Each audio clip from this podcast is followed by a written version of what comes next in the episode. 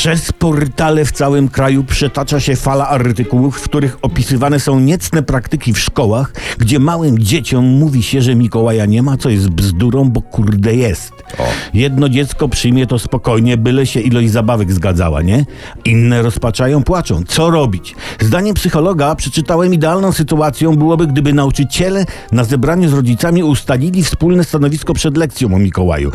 Problem, jak jakiś tatuś jeszcze wierzy w Mikołaja, rzuci się zrozpaczony na podłogę. Gówno, Mikołaj istnieje! Zacznie walić rękami o podłogę. No jest problem z wytłumaczeniem Mikołaja. Jest, bo na przykład dziecko siądzie na kolanach Mikołaja w markecie czy gdzieś i, i, i szepcze radośnie. Mama, mama, Mikołaj ma taki namiocik w okolicach rozporka. Ja chcę namiocik od Mikołaja. No, no jak wytłumaczysz? Namiocik jest dla mamusi, nie? No, no, no jak? Kłopot.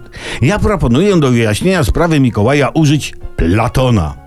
Mówimy, drogie dziecko, zacny filozof pan Platon twierdził, że prawdziwe coś, na przykład to, to idea, a, a, a rzeczywistość jest niedoskonałą realizacją tej idei. Na przykład jest idea, wzór dobrego polityka, ale w rzeczywistości to w większości chytre łapcerdaki, prawda dziecko?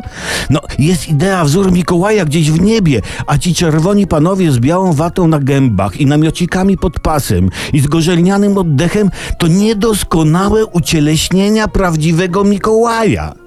Oni tylko wykonują rozkazy prawdziwego Mikołaja tego, bo inaczej skąd byśmy wszyscy wiedzieli, że trzeba dawać prezenciki?